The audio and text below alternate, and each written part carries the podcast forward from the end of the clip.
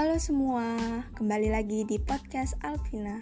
Apa kabar nih? Semoga kalian selalu dalam keadaan yang baik ya.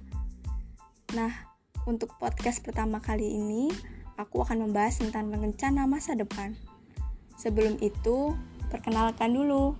Namaku Alvina Divaria dari Institut Teknologi Sumatera dengan Prodi Kimia dengan NIM 121270009.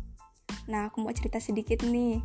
Sebagai mahasiswa baru, aku harus bisa cepat beradaptasi dengan lingkungan, harus bisa mengatur waktu belajar, istirahat, dan tentunya tetap membantu orang tua.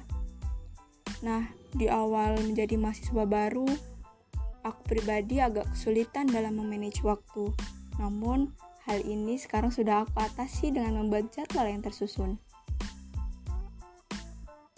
Sedikit cerita, aku memilih program studi kimia karena aku suka praktek di laboratorium, suka meneliti hal-hal yang baru, dan karena prospek kerjanya untuk ke depannya cukup banyak. Suatu saat, aku ingin menjadi pekerja di laboratorium rumah sakit atau sebuah perusahaan.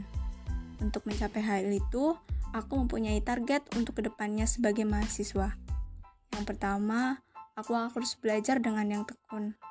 Yang kedua, belajar untuk membagi waktu dan memanfaatkannya secara efisien.